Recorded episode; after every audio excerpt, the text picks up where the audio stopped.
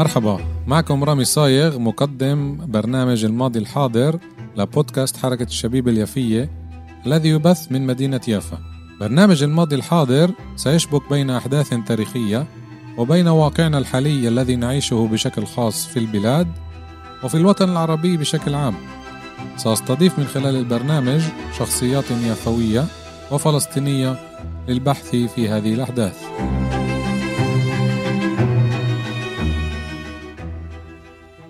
تحياتي مستمعاتنا ومستمعينا الكرام من جميع أنحاء العالم. حلقة جديدة من برنامج الماضي الحاضر من بودكاست حركة الشبيبه اليافية الذي يبث من مدينة يافا. وحلقة اليوم عن قرية مهجرة من قضاء القدس ألا وهي قرية القبو.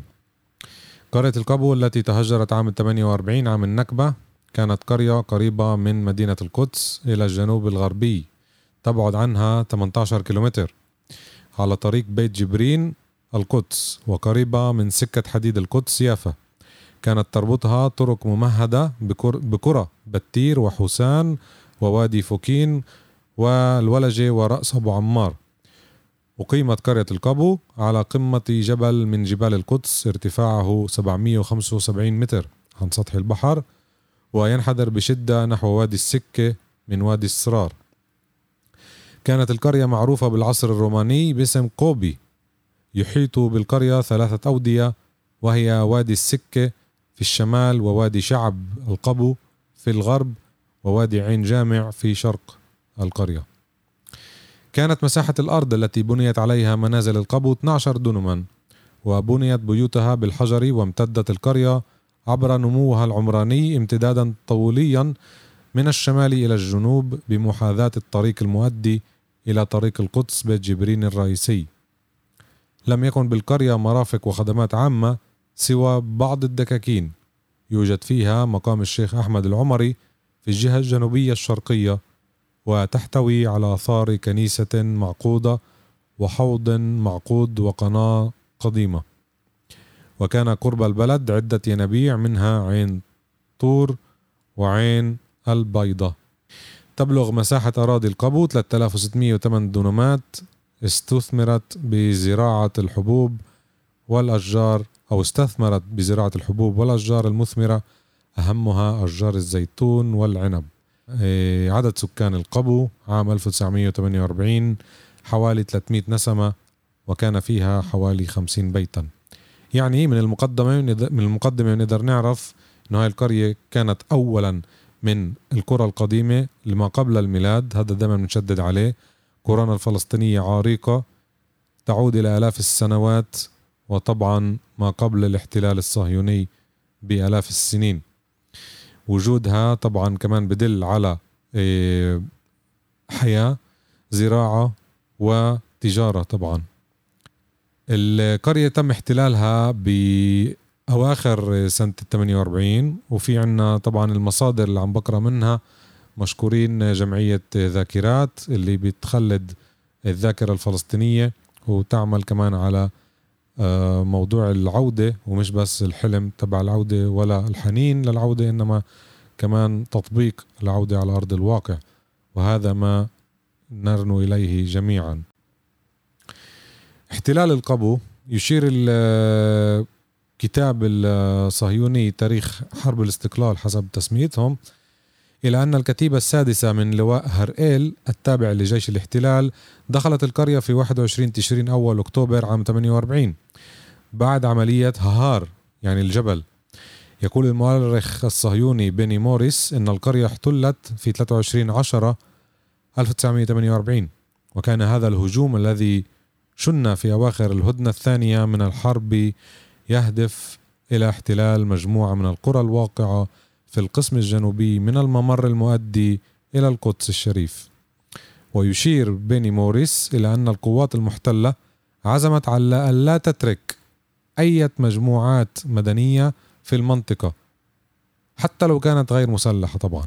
فكان مصير سكان القبو إما الهروب وإما الطرد نحو بيت لحم وتلال الخليل. ويبدو أن قرية القبو تنقلت بين أيدي اليهود والأردنيين حيث كانت من جملة أربع قرى في منطقة القدس. تم التنازل عنها للاحتلال بمقتضى اتفاقية الهدنة مع الأردن ليتيح بقاء سكة الحديد القدسية فكلها داخل حدود دولة الاحتلال. وجاء في كتاب تاريخ حرب الاستقلال للحركة الصهيونية أن الجيش الصهيوني دخل القرية بدون قتال. في الأسابيع التي تلت 3 نيسان عام 49 يوم توقيع الاتفاقية في رودوس. توقيع الاتفاقية في رودوس هي الاستمرارية للنكبة لما الدول العربية اللي على حدود فلسطين المحتلة وقعت أكيد بضغط ضغط أمريكي أو ضغط أجنبي اللي معادي للقومية العربية. وتم توقيع ثلاث اتفاقيات مع سوريا ولبنان وشرق الأردن بأوائل سنة 1949 وما بما يسمى كمان بتبادل الأراضي بحيث تنازل بين هلالين. هي مش أرضه بس إنه حسب قرار الدولي صارت أرضه للملك عبد الله ملك شرق الأردن تنازل عن أراضي في فلسطين لصالح الاحتلال لصالح الدولة اليهودية. ومن هنا جاء إطلاق الاسم على أهالينا في المثلث الجنوبي والشمالي بعرب التسعة وأربعين. طبعا إحنا بنقول الفلسطينيين. الغلط تبعنا إنه نضل نكرر عرب لأنه إحنا مش بس عرب إنما فلسطينيين ابا عن جد. فقرية القبو كانت من هاي القرى اللي وقعت ضحية آه، الاتفاقيات الظالمة في رودوس اللي تم آه، تهديد الدول العربية الفتية سوريا لبنان وشرق الأردن بتوقيع اتفاقية استسلام تام مع العدو الصهيوني. موقع اليوم إيش بقولنا المصدر. موقع القرية ليس بعيدا عن حدود خط الهدنة ويمكن رؤية علامات الحدود في أراضي القرية وهي بذلك ليست بعيدة عن قرى وادي فوكين وبتير وحسان الواقعة في الضفة الغربية. هدول الثلاثة اللي ذكرتهم هدول موجودين اليوم تحت آه، حكم بما يسمى السلطة الفلسطينية اللي هو حدود 67 إيه، والحاجز اللي, اللي عملوه جيش الاحتلال يقع ثلاث كيلومترات من علامات الحدود الدولية باتجاه وادي فوكين. طبعا الاحتلال من بعد ال 49 صار يتصرف زي ما بده من ال 48 بدأ زي ما بده بس بعد ال 49 أخذ راحته زي ما بقولوها بالعامية وصار يرسم حدود حسب آه، آه، خصوصياته هو وكأنه عنده خصوصيات. الحجج الأمنية طبعا اللي اخترعها وصار في حدود أجدد من حدود ال 48 زي ما ذكرنا حدود الهدنة عام 49 وطبعا صارت في كمان آه، تعديلات بإرادة أو مش بإرادة الدول العربية المحاذية. فعشان هيك اليوم نقدر نشوف آه، المخالفة واحدة من المخالفات طبعا مش بس مخالفة واحدة عمل آه، الكيان اللي هو تغيير الحدود اللي تابعة وكأنه لإله. يعني يفوت شرقا أكتر وأكتر داخل الضفة الغربية ما تسمى الضفة الغربية اللي كانت تحت حكم الأردن من عام 48 ل 67 وصار في حواجز داخل حدود ال 67 وكأنه واقع جديد إنه هاي مش الضفة الغربية إنما هذه الخط الأخضر. وهي واحدة من المخالفات الدولية اللي ولا حدا عم بيعاقبهم عليه. يعني اليوم إحنا أهالي يافا وأهالي الرملة واللد وكل أهالي الداخل لما بنفوت على الضفة الغربية بنشوف إنه صار إشي عادي بالنسبة لنا نفوت الحواجز هذه اللي مرات الجيش بيكون فيها ومرات شركات الحراسة اللي بتصرفوا بوحشية زيهم زي الجيش ومرات أكثر. هاي المواقع تبعتها مش موجودة على الحدود الرسمية اللي تم الاتفاق معها. هذا كمان إشي لازم دايما نصبه لإله. فتح قد ما بنقدر حتى لو إحنا مش بإيدنا نعمل أي شيء تغيير على أرض الواقع ولكن يجب دائما فتح الكيان الذي لا يهمه أي اتفاقية مثله مثل دول أوروبا بالقرن العشرين اللي كانت تعمل اتفاقيات حبر على ورق. فهذا هو الواقع 2023 كل الحواجز العسكرية والغير عسكرية اللي موجوده بداخل الضفة الغربية هي مخالفة للقانون الدولي هي احتلال جديد على الاحتلال القديم. هذا الإشي مجبورين دائما نحكيه للمستمعين خاصة المستكنين بفلسطين التاريخية. المصدر بقولنا إنه عام 1950 تم إنشاء مستعمرة مافو بيتار على أراضي القبو. وهذه المستعمرة على فكرة مش حي مستعمرة هي موجودين فيها المتدينين الوطنيين ما يسموا نفسهم القوميين المتدينين. هذول جماعة بنكفير جماعة سموتريتش كل جماعة المستوطنين اللي بيقولوا إنه اليهودي هو الدم الصافي زي طبعا الحركات الفاشية اللي كانت بأوروبا بالحرب العالمية الثانية إنه غير اليهودي يعني شو كيف بسموا إنه اللا يهودي هو أوطى منا. إحنا الشعب السامي إحنا شعب الله المختار. وهي طبعا العنصرية صارت علنية موجودة اليوم بشكل مفتوح للجميع. الكل بيقدر يسمع عنها ويقرأ عنها ويشاهدها بشكل آه، علني بدون أي خجل من قبل هدول المستوطنين. اللي العنصرية بالنسبة لهم كلمة بسيطة جدا. أنشأ الصندوق القومي اليهودي الكرن كيامت اللي هو الصندوق اللي تأسس لسرقة أراضي الفلسطيني ما قبل النكبة. هذول كانوا يشتروا أراضي بطرق لا غير طرق وصاروا يحتلوا أراضي بشكل غير آه، لائق. وبعد النكبة طبعا سيطروا على أراضي القرى الفلسطينية بدون أي مقابل. اليوم بسموا حالهم محميات. فأنشأ هذا الصندوق صندوق اللصوص على موقع القرية وعلى أغلب أراضيها متنزها على اسم مين مناخم بيجن. مجرم الحرب مناخم بيجن اللي عمل سلام مع المغفور له. للأسف نقدرش ندعي على الموتى إيه، السادات. بيجن اللي كان مطلوب زمن الاحتلال البريطاني إيه، للعدالة بما تسمى العدالة إيه، كان مطلوب لأنه كان جزء من الحركة الصهيونية. العسكرية الإرهابية اللي حتى البريطاني طلب بتسليمه لإلهم. فشوفوا كيف الزمن بتغير وصار الإرهابي رئيس دولة وبعد ما توفى على اسمه أعطوه آه، يعني حرش صنوبر على اسمه يكون لتخليد اسمه. على أنقاض القرية لسه في بموقع القرية في لسه ركام طبعا ركام المنازل والحط... وكل ما تم هدمه من البيوت. وتبدو مقبرة صغيرة مهملة طبعا كل مقبرة حتى بالمدينة اليوم نلاقي مقابر مهملة للأسف الشديد. وبعض قبورها منبوش في الجانب الشرقي الجنوبي من مركز القرية وهي مقبرة آل عبيد الله إحدى عائلات القرية. الكتيب من سنة 2010 الله أعلم إيش صار اليوم بهاي المقبرة وبكل هاي البقايا من القرية.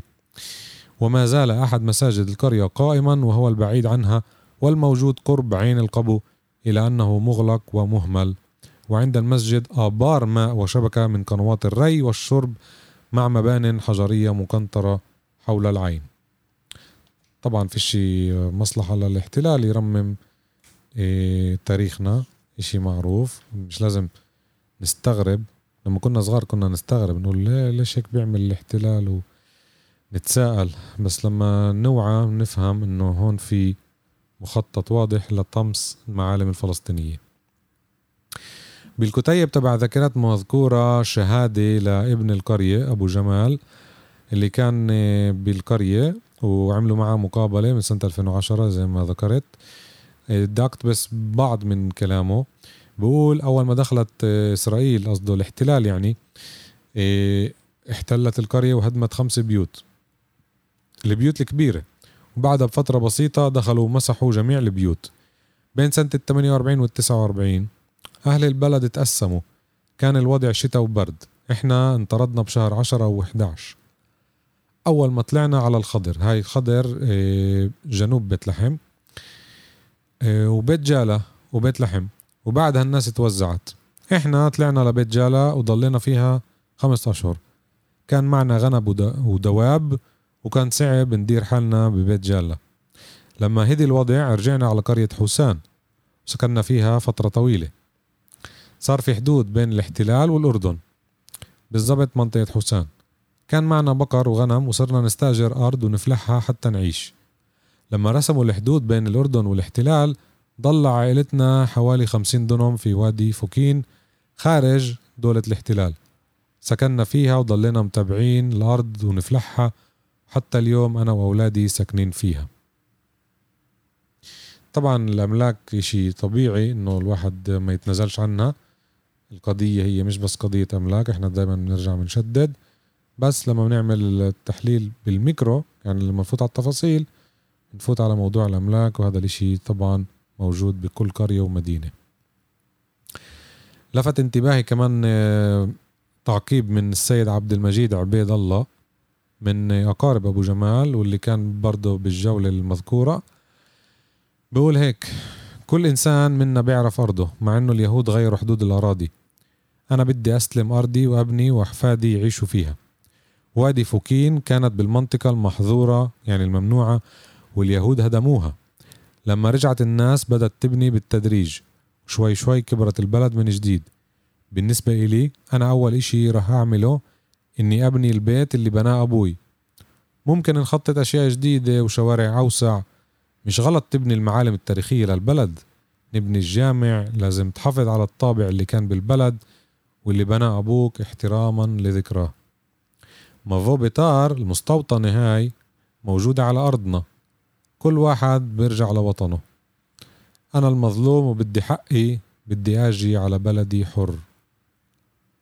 هاي الجملة لازم نحطها ببالنا وهي مش عنصرية. كل واحد يرجع لوطنه والمشاكل بتروح. بكمل بقول أبدأ. إيه أبدا آسف. أبدا مش رح ننسى أو نتنازل عن الأرض. إحنا بنستنى. اليهودي مستمتع بأرضي وأملاكي وأنا عايش بمرارة وحسرة. رغم ذلك أنا مستعد أسمح لليهودي يسكن بالبيت الحالي على أرضي اللي أخدها مني وأنا أخد باقي الأرض بشرط إنه يوقف احتلال وسلب الأرض. اللي ساكن عليه ممكن أعطيه إياه ما راح أطلب طرده. طبعا هنا في آراء مختلفة كل واحد ورأيه. إحنا شعب مسالم يا جماعة الخير وهي كمان ضحية وبدوش يطرد. المحتل. تخيلوا هاي كمان شغلة لازم نشتغل عليها دايما بالوعي واللاوعي. إنه إحنا شعب مسالم لا نطلب أغلبنا لا نطلب أن نطرد اليهودي. فيش مسح طبعا للمعطيات هذه مين مع طرده ومين ضد طرده. بس بالخلاصة إحنا شعب طيب. عشان هيك بلفوا علينا تهم بلبسونا تهمة الإرهاب بلبسونا تهمة التخريب بلبسونا تهمة القتل. اليوم المجتمع الفلسطيني بالداخل صار غاطس غرقان بالعنف اللي هو مش من مش من أص... من مش من أصولنا. يعني واضحة الصورة مين اللي دخل ومين السوسة اللي دخلت مجتمعنا الفلسطيني اللي عايش داخل حدود ال 48 فكم بالحري الشعب الفلسطيني اللي اتشتت واليوم عايش خارج فلسطين التاريخية.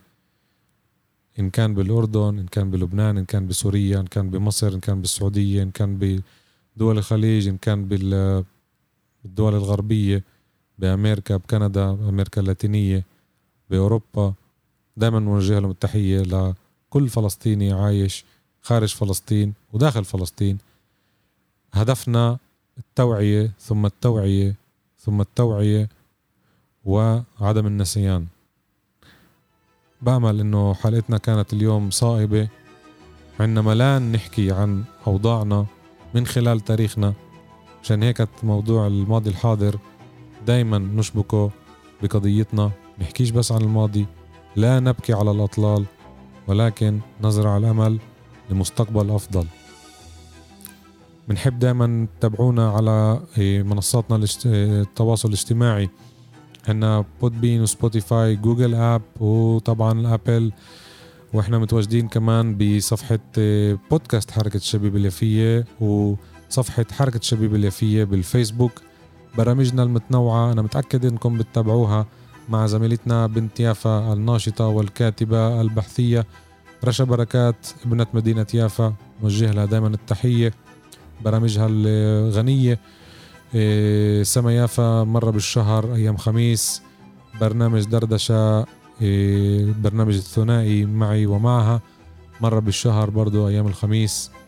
وبرنامجها المستمر برنامج صالون رشا كل يوم تنين كل أسبوع مستمر. ونأمل إنه ينال حسن الاستماع كل برامجنا.